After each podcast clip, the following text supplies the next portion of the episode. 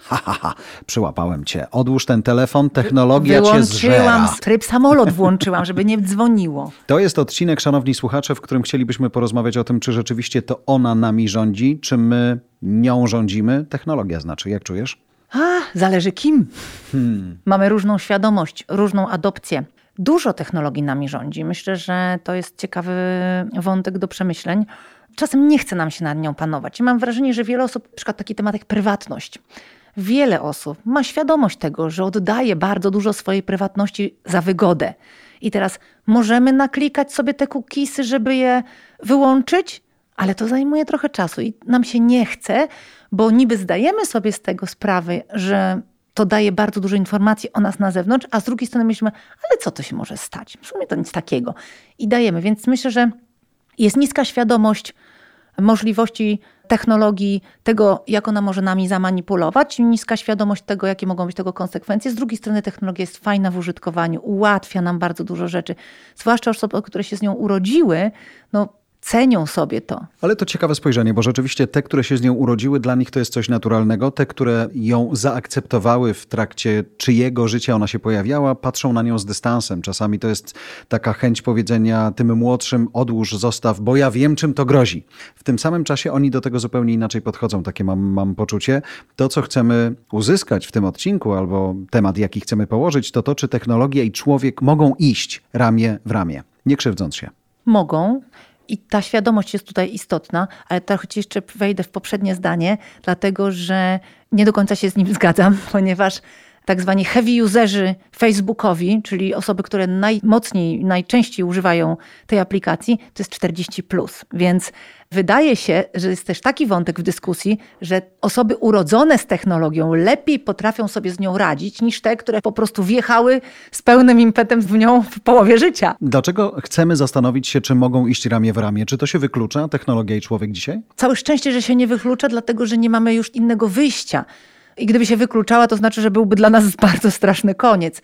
Myślę, że cały problem jest z edukacją, bo my mało mamy świadomość, żyjemy z tą technologią na co dzień, spędzamy czasami tam 6, 8, 10 godzin, a jednocześnie mało wiemy de facto o przyszłości, jaką ona niesie, o możliwościach wykorzystania. Też nie dajemy takiego znaku stop, że na przykład tutaj już więcej nie chcę, nie chcę mieć co roku nowego sprzętu. Technologia się tworzy, rozwija się poprzez swoich twórców, a jednocześnie trochę samodzielnie. Mamy wielkie firmy technologiczne, które prą w technologię, dlatego że chcą na niej zarabiać i chcą walczyć o ten nasz języczek uwagi, żeby mieć go jak najwięcej w swoim właśnie portfolio. Też między sobą walczą. A z drugiej strony jest pojedynczy człowiek, który się w tym nie odnajduje, a często ma takie lęki związane z nieodnajdowaniem się. O Jezu, to nie dla mnie, ja nie jestem z matematyki, nie będę się tym interesować. I brak nam dialogu społecznego. Brak nam, za mało mamy NGO-sów, które się zajmują całą taką dyskusją, dyskursu nam jest za mało. Czy to jest dla nas dobre? Może to zastopować, może inne rzeczy wykorzystać. My jesteśmy temu przeciwni, nie chcemy tego, albo róbcie to bardziej po ludzku. Empatii jest jeszcze mało w technologii, chociaż powiem Ci, że ja bywam na konferencjach technologicznych na całym świecie i jedną, drugą, jedną trzecią czasami dyskusji na tych konferencjach jest dyskusja o empatii w technologii, więc te dyskusje się zaczynają. Empatia w metaverse? No jest bardzo ważna. Nie Tak samo- ważna, tylko czy możliwa? No, w tym metaversie nadal jesteśmy my. Tym spiritus movens metaversu jest nadal człowiek. On jest zaawatarowany, tak lub siak. Oczywiście dokonuje niemożliwych rzeczy, bo może sobie latać, e, może zmieniać tożsamości. Nie ponosi de facto w pewnym sensie konsekwencji za, za część swoich czynów, bo może zmienić awatara i gdzieś tam się podszywać. No podszywanie nadal, nadal w tym metaversum nie ma takiego mocnego jeszcze rozwiązania. Ale z drugiej strony obowiązują nas na koniec dnia takie same zasady jak w świecie realnym. Przynajmniej powinny, bo tak jak mówimy sobie o technologii, jeszcze chwilę temu myśleliśmy technologia, czyli device, później technologia, czyli internet na przykład, dzisiaj wysyłany w taki czy inny sposób do najodleglejszych zakątków świata. A teraz to, o czym mówimy, ono się może oczywiście zawierać w tym haśle metaverse, ale nie tylko, to jest jeszcze dalej przesunięcie granicy w tym, co technologia może zrobić, jak nam teoretycznie ułatwiać życie, poprawiać jego komfort, ale jednocześnie i na tym też się w tej audycji skupimy, jakie zagrożenia płyną z tego, że ona nami nami zaczyna rządzić. Że ona tak naprawdę wymyślona przez nas dzisiaj przejęła trochę nad nami kontrolę, nad naszym czasem zdecydowanie, nad naszym życiem w wielu przypadkach też. Ja myślę sobie, że my też jesteśmy taką grupą pokoleń eksperymentalnych bo dużo się teraz technologii dzieje, ona bardzo przyspieszyła, jednak ona ma rozwój wykładniczy, a my wciąż liniowy. Mm. I teraz trochę na nas ona się próbkuje. I czy my, a przynajmniej na jednostki, no bo wystarczą jednostki, które będą po pierwsze rzeczywiście etyczne i empatyczne, mm. jak będą ten kręgosłup moralny, jak będzie u nich wyglądał, i czy będą się chciały zająć tymi, powiedzmy, ramami, ułożeniem w jakieś ramy, no trochę tak jak rzeka mi się teraz kojarzy, że można, że ona ma, na, natura płynie, tak, ten strumień jest, ale jednak jest jakoś uregulowany i jesteśmy w stanie nim w pewnym sensie zarządzać. No to jest bardzo ciekawe. Dyskurs myślę, że dobry. To prawda. Nasi goście, którzy nam pomogą zrozumieć ten świat, opowiedzieć go ze swojej perspektywy, to Natalia Hatalska, badaczka In Future Institute i Karol Mazurek Accenture. Będziemy rozmawiali o tym, jak w ich życiu prywatnym, zawodowym z tą technologią jest. Dokładnie tak. Das ist ein Hörer. Kiedy pytamy, czy ludzkość i technologia będą szły ramię w ramię, a ja mam na kolanach mojego półtorarocznego syna, bo tak się akurat dzisiaj złożyło, myślę sobie, kurczę, czy on jeszcze w tym świecie się jakoś tam odnajdzie. Zanurzmy się w niego. Natalia, ty jesteś osobą, która podobno wie więcej, na pewno niż my wszyscy tutaj w studiu o tym, co może przynieść przyszłość. Wyobrażasz sobie, że człowiek takiego, jakiego go dzisiaj znamy, niezależnie od wieku, 44 czy półtora roku, z technologią się będzie potrafił dogadać, albo ona z nim? No, to jest bardzo duże pytanie myślę, że moglibyśmy poświęcić na ten temat kilka godzin rozmowy co najmniej. Taka bardzo krótka odpowiedź, miała na to pytanie powiedzieć, to jest to, że jednak technologia rozwija się szybciej niż człowiek. My, jeżeli sobie spojrzymy na nasze możliwości, na rozwój naszego mózgu, na nasze dostosowanie emocjonalne, to my jesteśmy cały czas trochę zakorzenieni tym obszarze, jak byliśmy, jeszcze żyliśmy gdzieś w jaskini albo żyliśmy na sawannie. Technologia tak naprawdę podwaja swoje możliwości co półtora roku i nawet jeżeli nam dzisiaj się wydaje, że my idziemy z technologią równo, to pewnie wydaje się głównie tym młodszym pokoleniom, pokoleniu alfa czy pokoleniu Z, no bo oni się urodzili w tym świecie, to zawsze nastąpi taki moment w naszym życiu, kiedy będziemy technologicznie wykluczeni. I już dziś nawet te osoby, które są bardzo technologicznie zaawansowane, nie do końca rozumieją tę technologię. I Ale... trzecia rzecz, o której musimy pamiętać. Mhm. Chciałem dopytać to o jedną że... rzecz, bo no? to definicja cyfrowego wykluczenia też bardzo dynamicznie nam się ostatnio zmieniła. Chwilę temu myślałem mojej mamie 70, plus, że kiedy ona nie jest na Facebooku, jest wykluczona technologicznie. Dzisiaj podejrzewam, że te konteksty i sens tej definicji jest zupełnie inny. No to przede wszystkim chodzi o zrozumienie mechanizmów działania technologii, bo my traktujemy i wciąż myślimy o technologii jako narzędziu a ja bardziej się skłaniam ku tej myśli Kevina Kelly'ego, który traktuje technologię jako samorozwijający się organizm. No tak jak powiedziałam wcześniej, my nie jesteśmy w stanie technologii dogonić, nie do końca jesteśmy w stanie ją zrozumieć, wszystkie mechanizmy, bo to jest ogromny system, niezwykle skomplikowany, który ma wpływ na różne obszary naszego życia i nie ma dzisiaj możliwości, żebyśmy mogli te wszystkie konteksty zrozumieć. Nawet osoby, które funkcjonują w technologii czy w świecie internetu, no, z naszych badań wynika, że na przykład 70 to są badania sprzed dwóch lat, będziemy je powtarzać, ale dwa lata temu, czyli w 2020 roku, 70% badanych nie wiedziało, że treści, które są im pokazywane na feedzie na Facebooku, czy są głównie na Facebooku, to są treści pokazywane i dobierane przez algorytm na podstawie ich wcześniejszych zachowań. No to jest rzecz, która mogłaby nam się wydawać, że jest oczywista, a pokazuje, że jednak nie do końca społeczeństwo ma świadomość mechanizmów działania technologii takich zupełnie bardzo prostych. Komentarz specjalny dla podcastu Masters and Robots. What if? Suprit Sin Manchanda, inwestor z Doliny Krzemowej, dyrektor zarządzający firmy Raven Capital, prelegent na konferencji Masters and Robots. What if? W Dolinie Krzemowej chcemy zawsze definiować technologię jako coś bardzo seksownego, fajnego i nowego. Ale technologii jest mnóstwo. Jeśli spojrzeć od zarania dziejów, ogień był technologią, koło było technologią, budynki, cement są technologią. Pytanie brzmi inaczej. Komu to przynosi korzyści? I przez większość czasu ci z Doliny Krzemowej, którzy rozpatrują sprawę z ludzkiej perspektywy, zawsze patrzą na to, jakie to przynosi korzyści ludzkości. A ludzkość to więcej niż tylko ludzie. To także środowisko, planeta, a może nawet przestrzeń wokół niej. Ponieważ jest wiele rzeczy, które robimy, aby jej pomóc, i wiele rzeczy, których nie powinniśmy robić, aby jej nie skrzywdzić. Z kolei mnie interesują takie bardziej też um, trochę zagłębienie się w to. A jak myślisz wśród tej grupy świadomych, których suma summarum jest coraz więcej, czy będą takie osoby, które mając tak dużą świadomość dobrych i złych stron technologii, będą świadomie podejmować taką decyzję, żeby się z tego digitalu wyłączyć? Czy myślisz, że to będzie super nisza? Czy myślisz, że to będzie jakiś trend? Gdzie taki trochę mormoński ja to widzę. Mhm. Jak myślisz? To już mówię, to tak, odniosę się do dwóch kwestii, które poruszyłaś. Faktycznie widzimy od pewnego czasu taki trend, promuje go głównie Cal Newport, czyli trend cyfrowego minimalizmu. Tak. Czyli chodzi o takie wybieranie technologii, która ma nam służyć, która jest świadoma, decydujemy, ok, to nie jest tak, że teraz się zaszyjemy gdzieś tam w lesie i przestajemy korzystać z technologii w ogóle, tylko że korzystamy z niej świadomie, wybieramy te narzędzia, które mają nam pomagać. Jeżeli chodzi o to podejście mormońskie, ja to raczej y, nazywam podejściem Amiszów, a Mormoni i Amisze to bardzo, mhm. bardzo podobne grupy, tak. to tutaj też jest taka pewna, pewne przekłamanie, bo jeżeli my mówimy o Amiszach, ja o tym dosyć dużo pisałam w swojej książce, my mówimy o Amiszach w kontekście tego, że oni nie korzystają z technologii, ale to nie jest prawda. Oni korzystają z technologii, ale na swoich własnych zasadach. Czyli to jest tak, że po pierwsze to są bardzo zamknięte społeczności, niewielkie społeczności, które są skoncentrowane wokół pewnych wartości i w swoim społeczeństwie mają grupę osób, no tam są dwie, trzy osoby, które interesują się technologiami.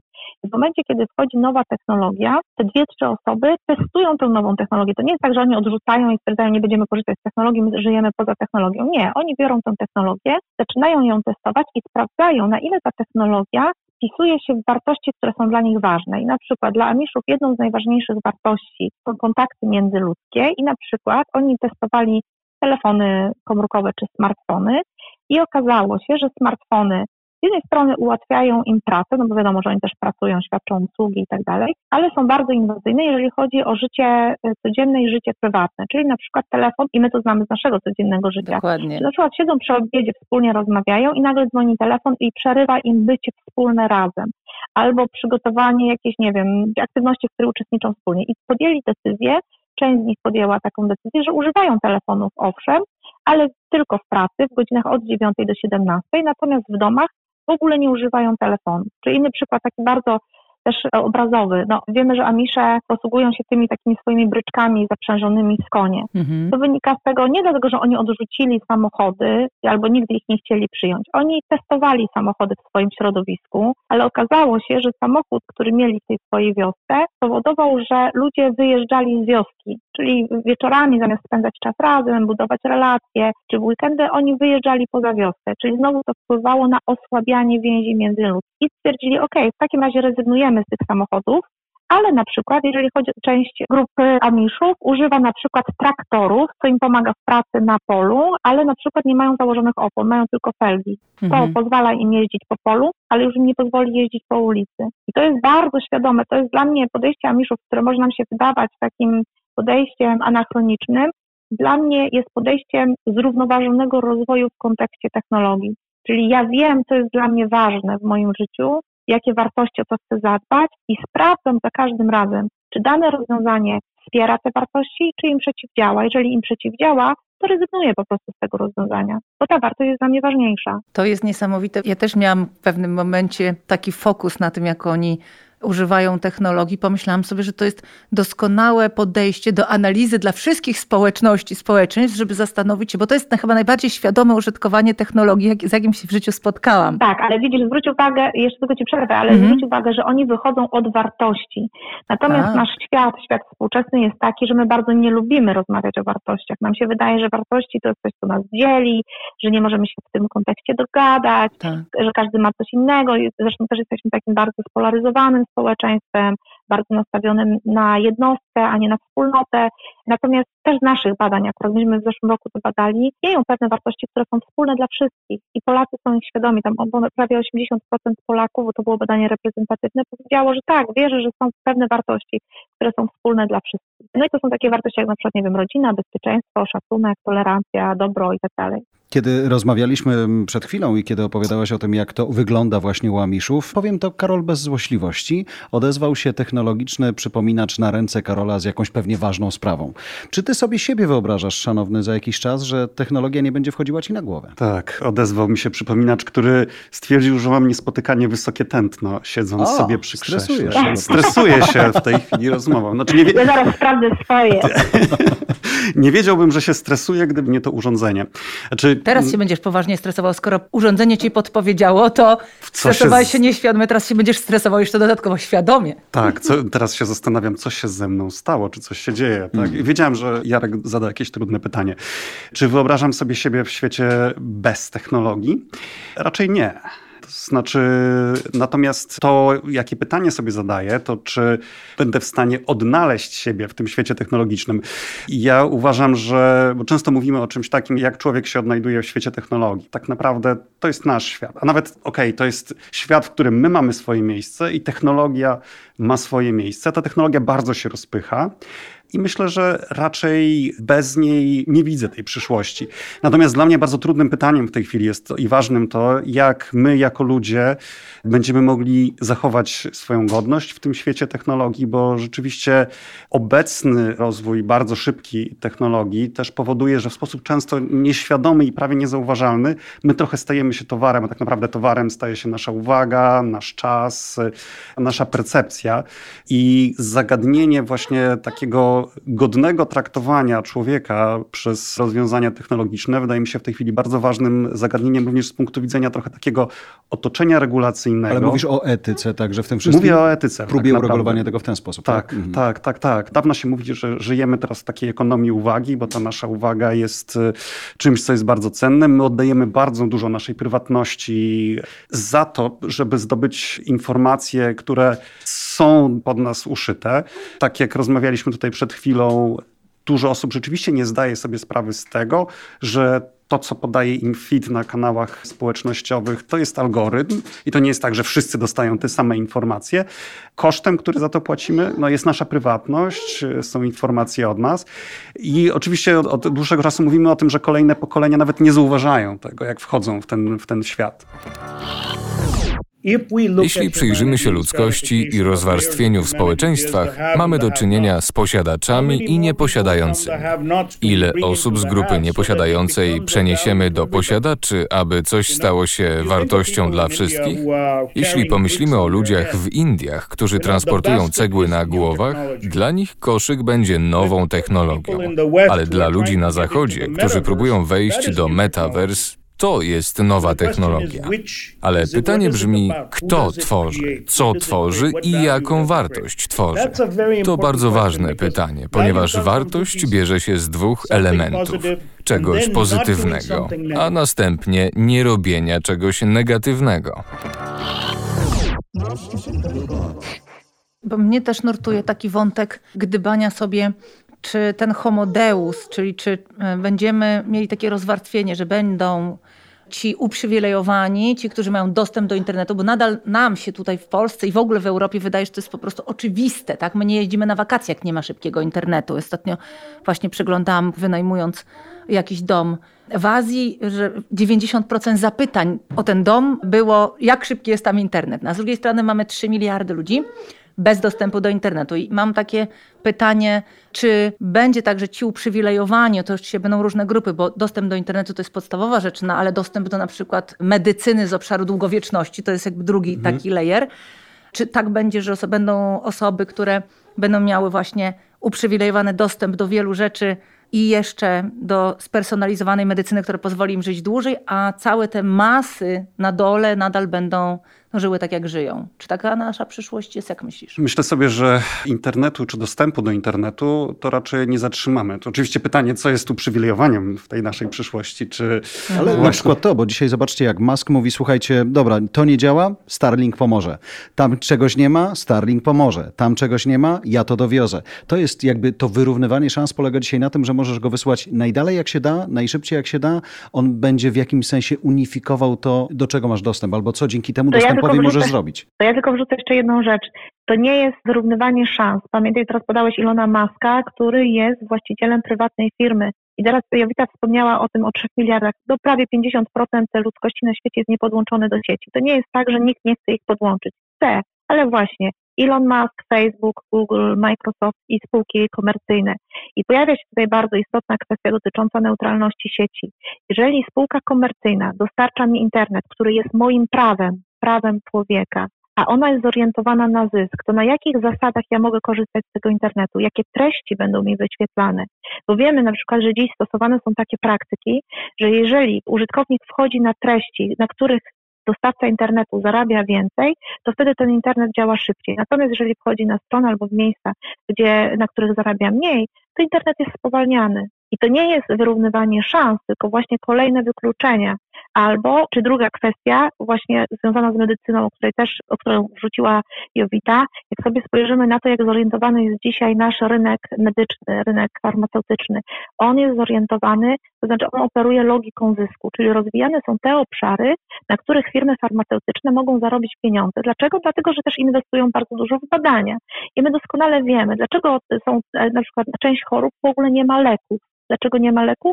Bo choruje na nie 3, 5, 10 osób na świecie i dla firm farmaceutycznych to jest nieopłacalne czy medycznych, żeby przygotowywać lek dla 10 osób na świecie. Te osoby dzisiaj są wykluczone albo po prostu muszą wydawać jakieś gigantyczne pieniądze na to, żeby poprawił się ich komfort życia. Tak. Jeżeli weźmiemy pod uwagę technologię, tutaj cały obszar inżynierii genetycznej, czy wszystkich nowych form związanych z tak zwanym Human Enhancement Technologies, czyli HET, i wspomaganiem człowieka. Dziś to są bardzo, bardzo drogie rozwiązania, które tak naprawdę będą działały na niekorzyść godności człowieka. Ja sobie zrobiłam ostatnio taką krótką analizę, czyli analizowałam trendy w obszarze właśnie człowieka plus, czyli całej biologii technocentrycznej, przełożeniu na cele zrównoważonego rozwoju, te cele, które mamy zrealizować do 2030 roku. I one fantastycznie, te technologie wpływają na obszary związane z nie wiem, prosperity, bo to też jest taki cel, tak, czyli żeby był na przykład wzrost gospodarczy, też dobrze wpływają na obszar związany z zrównoważonym rozwojem, bo tam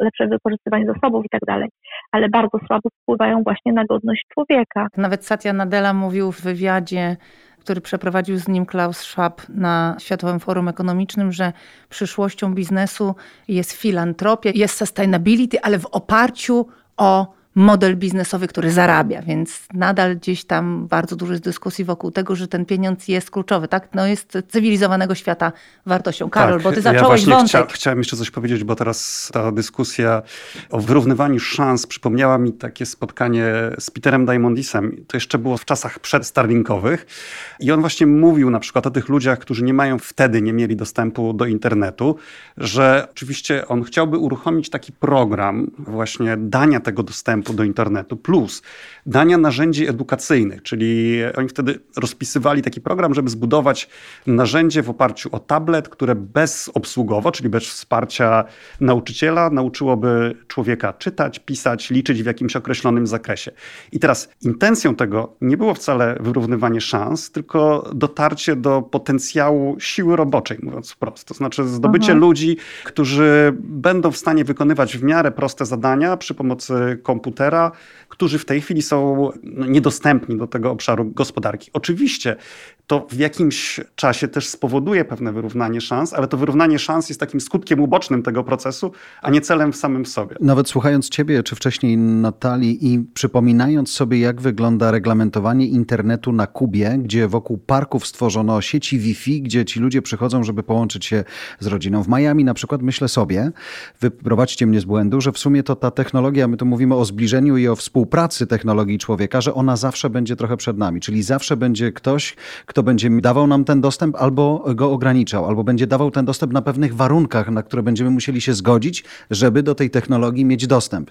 Czy to na poziomie medycznym, czy na poziomie informacyjnym, czy na każdym właściwie poziomie. Nie? To, o czym wspominałam, że technologia nas wyprzedziła, bo ona po prostu co półtora roku, na razie jeszcze według prawa Mura, podwaja swoje możliwości, a my się rozwijamy w swoim wolniejszym zdecydowanie tempie. I druga rzecz też jest taka, że świat bez technologii nie jest możliwy i nie jest możliwy. Świat, całkowity świat bez technologii nie jest dzisiaj możliwy. To Kevin Kelly miał takie fantastyczne porównanie, że technologia nas dzisiaj udomowiła. To nie jest to tak, jak my udomowiliśmy na przykład koty czy psy, koty na przykład, że one nie potrafią bez nas funkcjonować, musimy się nimi zajmować, czy psy nakarmić i tak dalej. I tak samo jest z technologią. Gdybyśmy dzisiaj zabrali całą technologię z naszego życia, to człowiek by nie przetrwał. I nawet nie mówię o technologii high-tech, czyli do tego internetu, do prądu, bo bez tego też byśmy nie przetrwali. Wyobraźcie sobie na przykład teraz cały czas żyć bez prądu, bez ogrzewania, bez światła, bez wody, ale też mówię o technologiach z obszaru low-tech, tak? czyli bardzo, bardzo prostych narzędziach, na przykład nóż też jest technologią. Tak więc my dzisiaj nie jesteśmy w stanie funkcjonować w żaden sposób bez technologii. To prawda, nie wiem, czy oglądaliście taką świetną kreskówkę na Netflixie, chyba to się nazywa Mitchells and the Machines, o tym, kiedy maszyny opanowały świat i wyłączyły ludziom. To bardzo fajnie jest obejrzeć z dzieciakami bo e, nastąpiła taka zbiorowa histeria, która rzeczywiście mogłaby się zadzieć. A ja bym chciała Was zapytać, bo też dużo, oczywiście w tej przestrzeni, w której my żyjemy, jest dużo ruchów i osób, które mówią: OK, technologia nie jest dobra, nie jest zła, może przestańmy głównie wykorzystywać ją po to, żeby gromadzić majątek, ale przełammy to trochę. Ta technologia może nadal egzystować, żeby nas dużo bardziej wspierać, bo już jesteśmy coraz bardziej świadomymi jej kreatorami. I tak mówi na przykład Tristan Harris, na którego wykładzie ostatnio byłam, człowiek od Social Dilemma. I coraz więcej tych ruchów się pojawia. Moje pytanie do Was obojga jest takie, kochani. Czy wy w to wierzycie, że jesteśmy w stanie to przełamać? Czy nadal będziemy napędzani przez big techy, które już tak urosły że są większe niż nie tylko kraje, ale i Unię? Czy jesteśmy w stanie? Czy w to wierzycie? W krótkiej, czy nawet średniej perspektywie e, raczej nie wierzę. To znaczy, myślę sobie, że rzeczywiście. Fair, fair point. Tak, mamy bardzo rozpędzony w tej chwili mechanizm rozwoju technologii, która jest napędzana przez te big techy. Big techy szukają kolejnych źródeł przychodów, szukają możliwości zarabiania, więc myślę, że to jest na razie ten kierunek. Czy mam nadzieję, że to się zmieni? Tak, natomiast to trzeba też zacząć myśleć wtedy o technologii nie jako produkcie, który sobie kupujemy, tylko o pewnym na przykład prawie. I wtedy przechodzimy trochę do kontekstu wyrównywania szans, uwspólniania jakiegoś poziomu. Natomiast myślę, że jesteśmy jeszcze daleko do tego, żeby mówić o tym, że nie wiem, dostęp do internetu jest prawem każdego człowieka. Mhm. Natalia? No ja tutaj a propos tego, co Jowita wspomniała, co mówił Tristan Harris, ja akurat nie widziałam tego wystąpienia, wystąpienia, natomiast dla mnie tutaj brzmi pewien istotny błąd w założeniu. Z tego jego zdania wynika, że on zakłada, skoro jesteśmy świadomymi kreatorami technologii, to on zakłada, że człowiek stworzył technologię i ma na nią stuprocentowy wpływ. To ja podam inny przykład. No to Jarek ma teraz na kolanach swojego półtorarocznego syna, którego stworzył. I teraz pytanie, czy Jarek ma i każdy, kto jest rodzicem, ma stuprocentowy wpływ na swoje dziecko, które jest stworzone przez nas? Każdy z rodziców doskonale wie, że nie. Dziecko jest odrębnym bytem. Może stworzone przez nas, ale jest odrębnym człowiekiem, ma odrębne myślenia, odrębne zainteresowania. I dokładnie tak samo jest z technologią. Technologia jest odrębnym bytem. I druga rzecz, to nie jest tak, że technologia nie jest ani dobra, ani zła. Technologia jest jednocześnie i dobra, i zła. Technologia rozwiązuje problem, to, o czym Lem dawno temu już mówił, rozwiązuje Oraz problem, ale generuje kolejny. I nasze pytanie jest takie, jak możemy się przygotować na te problemy, które się pojawią przed nami z wprowadzaniem każdej nowej technologii. To pojawią się na 100%. Albo teraz, albo za 100 lat, albo za 1000 lat. Myślę o tym kontekście, w którym my rozmawiamy o technologii. Zobaczcie, mówimy o stworzeniu, kto kogo tutaj tak naprawdę stwarza i w sumie, kiedy dzisiaj technologia nas udomowiła, tak jak to ładnie powiedziałaś, ale to myśmy nadali jej życie na samym początku, nie? Czyli ona nam się powoli wymknęła spod kontroli. To jest jedno moje pytanie, a jeżeli tak, to w takim razie jak możemy liczyć na to, że będzie chciała w ogóle nas ludzi jeszcze słuchać kiedyś? To zgadza się w 100%, że technologia absolutnie nam się wymknęła spod kontroli. To jest dokładnie ta myśl Kevina Kelly'ego, który mówi o tym, że technologia, on nawet nie nazywa jej technologii, ale technium, czyli kolejne królestwo żywe, czy królestwo życia. Moja myśl z kolei jest taka, że ponieważ ja zgadzam się, ja wiem, że to może brzmieć dość drastycznie, żeby traktować technologię, coś, co z założenia jest nieżywe, jako coś żywego, ale podoba mi się bardzo ta koncepcja, się z nią zgadzam i żeby w jakiś sposób temu przeciwdziałać, czyli zadbać o siebie, bo też musimy pamiętać, że technologia zmienia nas, ludzi, czyli technologia jest z założenia czarno-biała, tak? ona ma po prostu nawet tak jest skonstruowana, ma kod zero-jedynkowy, ona jest binarna. My wiemy, że ani człowiek, ani nasze życie nie jest czarno-białe, nie jest zero-jedynkowe, a jednak korzystając z technologii, z algorytmów, z mediów społecznościowych, my się wpisujemy w tę binarność, tak? Wybieramy albo tak, albo tak, albo dobry, albo zły, albo mądry, albo głupi. Więc z jednej strony zmienia nas technologia, a po drugie, żebyśmy my mogli w jakiś sposób z nią współfunkcjonować, to potrzebne nam są trzy rzeczy. Pierwsza rzecz to są regulacje i to jest właśnie na przykład a propos roli big techów i tak dalej, trwają na ten temat rozmowy, ale same regulacje nam nie wystarczą. Potrzebna jest nam edukacja i podam przykład, który też bardzo często podaję a propos prądu. Tak, czyli mamy technologię prąd, czy elektryczność, ona jest absolutnie wyregulowana, wiem jakie napięcie, gdzie może być, gdzie mogą być stawiane słupy elektryczne, jak powinny wyglądać miasta, etc., etc., ale jeżeli nie nauczymy siebie, nikt nas nie nauczy, albo my nie nauczymy swoich dzieci, że nie wolno wkładać palców do kontaktu, albo że nie wolno wkładać mokrych rzeczy do kontaktu, to regulacja nam nic nie pomoże. Tak to człowiek albo zginie, albo zostanie porażony prądem i okaleczony. Czyli potrzebna jest regulacja, potrzebna jest edukacja, jak działa dana technologia, jak możemy z niej korzystać, jakie są jej negatywne konsekwencje. I trzeci obszar, o którym wspominałam na samym początku, to jakie mamy wartości, co jest dla nas ważne i wybierać technologię pod kątem tych wartości, tak żeby ta technologia te wartości wspierała. Technologia AI jest już wszędzie.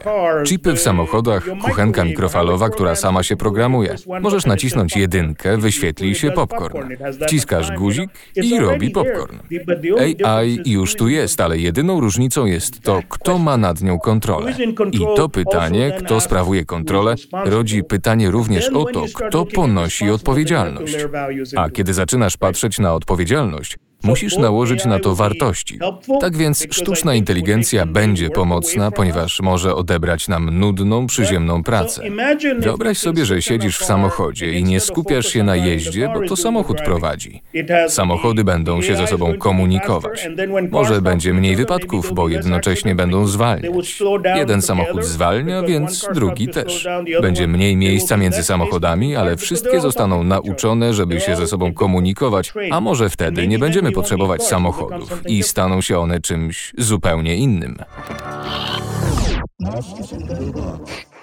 Czy będziemy szczęśliwi, jeśli technologia przejmie cały rynek pracy? Jak my będziemy funkcjonować? Bo oczywiście automatyzacja jest postępująca. Pierwszy raz mamy do czynienia z taką rewolucją. Ostatnio miałam okazję rozmawiać z kilkoma znanymi filozofami, takimi światowymi, i zwrócili mi uwagę na fakt, że ta rewolucja przemysłowa, my traktujemy ją jako kolejne fale, że znowu przyszła rewolucja przemysłowa, coś zmienia, ale ta, której jesteśmy uczestnikami teraz, pierwszy raz ingeruje w nas do środka, bo media społecznościowe nas zmieniają, tak jak tutaj wszyscy powiedzieliście. I teraz pytanie, technologia będzie postępować dalej. W pewnym momencie ta automatyzacja no, przejmie znakomitą część naszej działalności.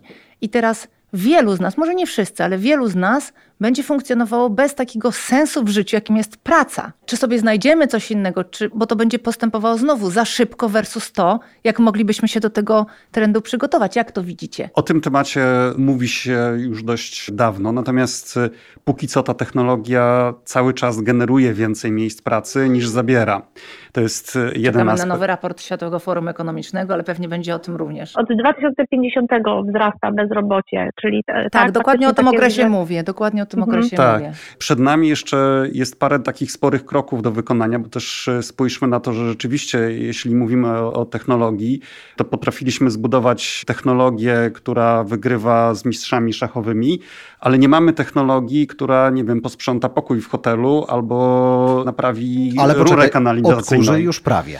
Odkurzy już prawie, ale z bardziej złożonych zadań nie wykona jeszcze. Pytanie, więc... czy, no jeszcze. Sam jeszcze, jeszcze. I dlatego to jest bardziej pytanie, ile czasu jest przed nami. Bo z jednej strony wszyscy oglądamy filmiki Boston Dynamics, widzimy te roboty, które się stają coraz bardziej humanoidalne albo zbliżone do zwierząt, wykonują coraz bardziej złożone czynności, ale do tej pory ciągle mamy tak, że tych miejsc pracy jest coraz więcej i mam też wrażenie, że pojawia się dużo takiej ciekawszej pracy do wykonania, więc rzeczywiście może być tak, że po tym 2050 pojawi się już bezrobocie takie systemowe, spowodowane przez technologię i tak naprawdę bardziej do tego czasu potrzebna nam będzie znowu edukacja, żeby przygotować kolejne pokolenia. Ja się bardzo zgadzam z rolą edukacji. Regulacje już od bardzo dawna nie nadążają za światem, a jak powstają, to są bardziej ciężarem niż czymś, co ułatwia. Edukacja jest tutaj e, podstawową rzeczą. W bardzo wielu miejscach są prowadzone już w tej chwili testy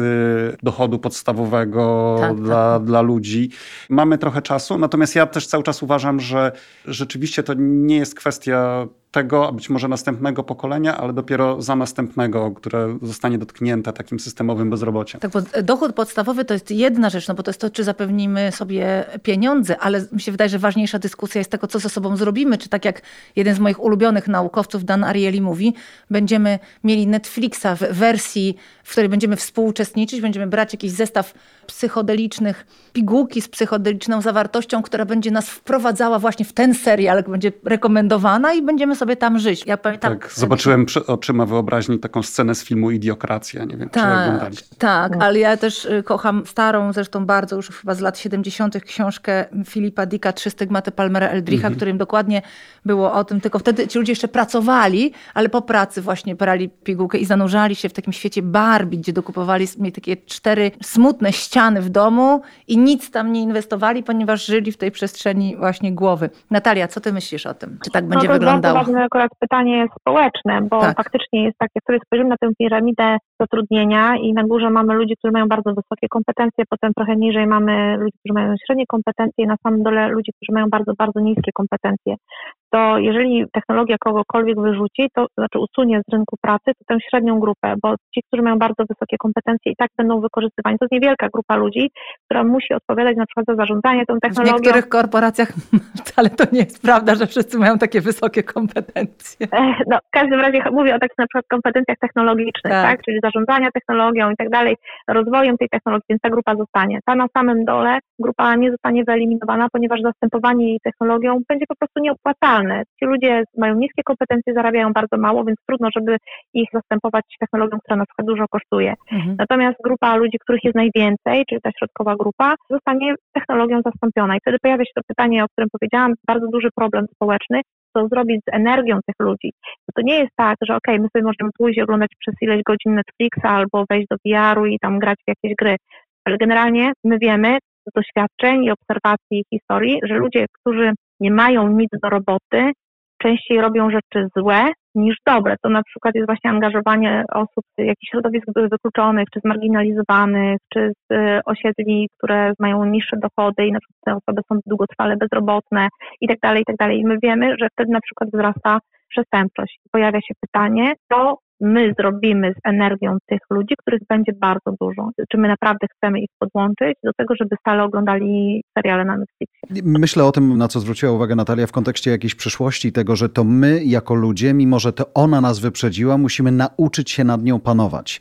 Ja mam ten problem, że znaczy nawet nie tyle wydaje mi się, co czuję, że ona jest na tyle silna, że jest tak bardzo uzależniająca, że ja szukam różnych powodów do tego, żeby tłumaczyć także dzieciom swoim, znaczy może jednemu starszemu, dlaczego na przykład ja wciąż jestem w jakimś tam świecie, w którym chciałbym, żeby ona na przykład, myślę o, o starszej córce, nie była. Nauka tego, żeby sobie wyznaczać granice, kiedy jestem, jak głęboko jestem, w jakim narzędziu jestem, myślę, a propos edukacji, Karol, to co powiedziałeś, też jest skrajnie ważne. Nie będziemy mogli się obrażać na technologię, że ona jest i się rozwija, będziemy musieli nauczyć się na nowo z niej korzystać.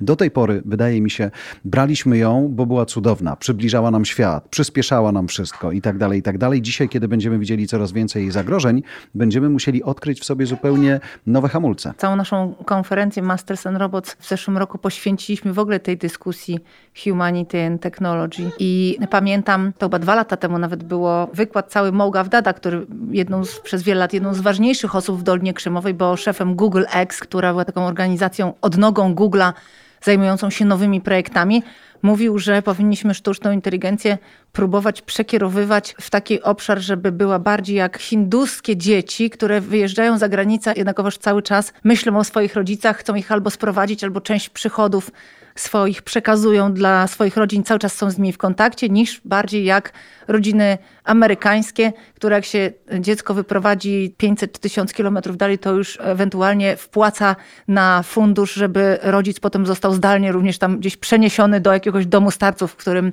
podobno świetnie się będzie bawił z rówieśnikami. Właśnie, to też jest takie dobre pytanie. A jeszcze, ja lubię bardzo science fiction, bo ono szuka odpowiedzi na takie pytania, wychodząc trochę poza taki nasz nawias i pamiętam opowiadanie, niestety nie pamiętam, kto je napisał, o tym, jak technologia doszła do wniosku, że chcąc zrobić dobrze ludzkości, że ludzkości najlepiej było, każdemu z nas najlepiej było w łonie matki. I zamknęła ludzkość w takim ogromnym, sztucznym łonie po to, żeby dać jej szczęście. Więc pytanie właśnie, jak to To też Matrix na tym się opierał, nie? Że Tak, to, tak, prawda, tam tak, był inny cel, tak, po to, tak, żeby tak. pobierać energię od nas, ale też ludzie zostali zamknięci w łonach.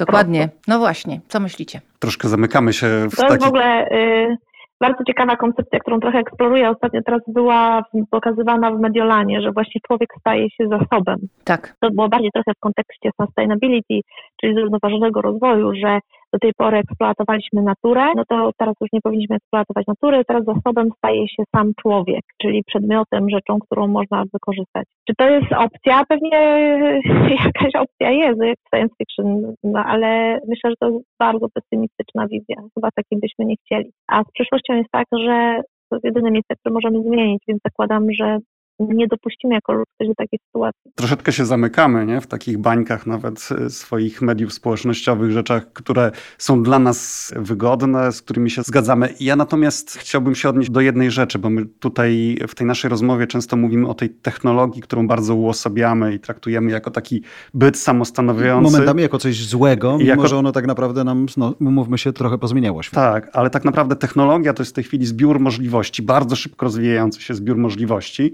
który wykorzystują ludzie. To my tworzymy ten świat technologii, w którym się poruszamy. W związku z tym ja mniej obawiam się takiego rozwoju technologii, jak to ktoś kiedyś powiedział, bardziej niż sztucznej inteligencji, obawiam się prawdziwej głupoty. W związku z tym bardziej obawiam się tego, jak ludzie będą wykorzystywali te możliwości technologiczne, niż że technologia jako samostanowiący się byt y, zrobi nam coś złego. Tak, tak. Mhm. Ja nie do końca bym się chyba zgodziła z tym zdaniem, że to my tworzymy świat technologii.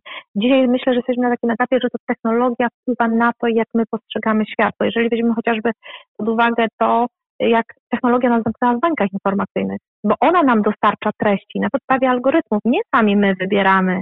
Niektóre osoby oczywiście tak, gdzieś się próbują wybić z tych baniek, ale to jest bardzo trudne. Albo na przykład mapy Google'a. No to ile mamy filmów albo takich zdarzeń nawet z własnego życia, że Google nam mówi dokładnie, gdzie mamy jechać, na przykład prowadzi nas w ogóle zupełnie inną drogą, a my przestaliśmy już się kierować na przykład znakami drogowymi. Tak? I to technologia decyduje o nas, gdzie my mamy jechać i jak pojechać, czy trasa jest, czy trasa jest dłuższa, czy krótsza i tak dalej. Tylko zobacz, Więc, właśnie pytanie, czy, bo ona decyduje w momencie, kiedy jej na to pozwolimy, prawda? Uderzając w trochę bardziej filozoficzne tony. Jasne, że mogę wybrać No sobie jednak mapę nie, no, papierową. ale pytanie, ale powiedz mi, czy faktycznie decydujesz o tym, jakie treści, na przykład jakie masz filmy Nie, nie, tutaj zdaję na sobie sprawę, tak. Nie, Tutaj ale zdaję sobie rozumiem, sprawę, że nie Jarek to mówi- wpływu. poza tobą. Jarek mówi, że może zdecydować, żeby sobie wyłączyć social media, Że tak? tego się musimy nauczyć trochę. że Może tak, jechać okej, bez tak, nawigacji, że tu tak. decyduje. Natomiast Da- no dzisiaj 30, w niektórych miejscach 30% kodu już się pisze samo. Widziałem ludzi na własne oczy, którzy twardo jechali ulicą pod prąd, bo tak mapa im kazała. No, tak?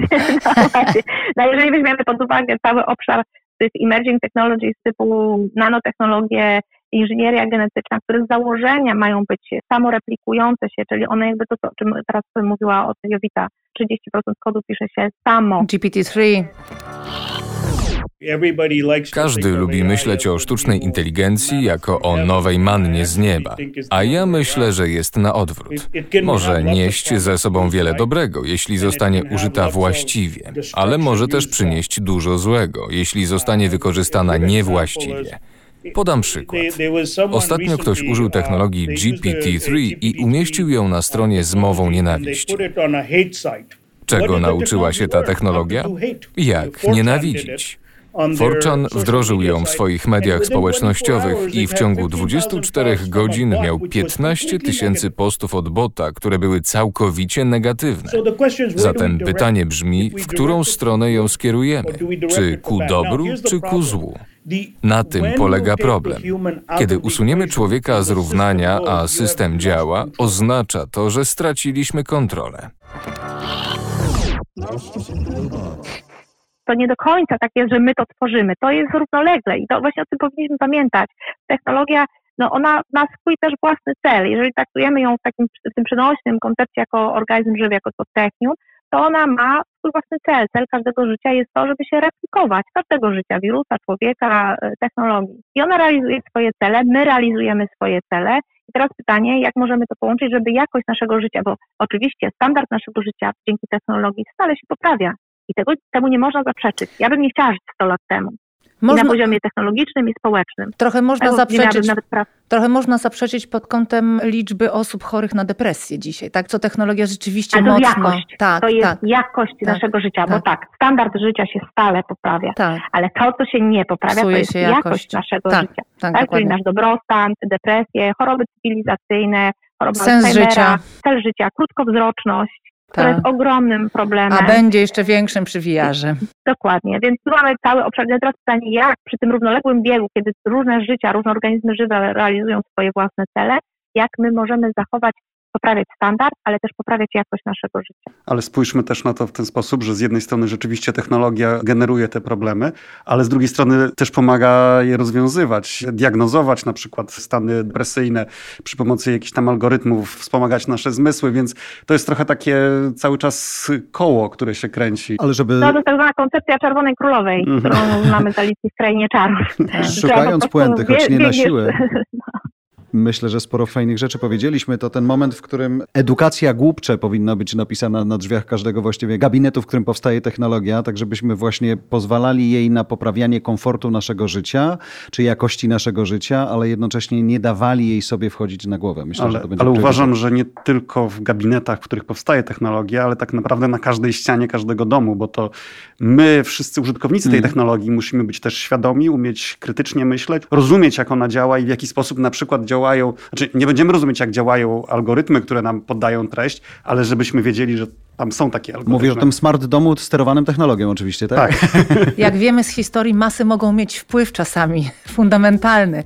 Więc jeżeli umasowimy świadomość technologiczną, to może to też gdzieś pomoże. Natalia, bardzo dziękujemy. Karol, bardzo dziękujemy za spotkanie Dzięki i rozmowę. Dzięki Dziękujemy. Dzięki. Dzięki.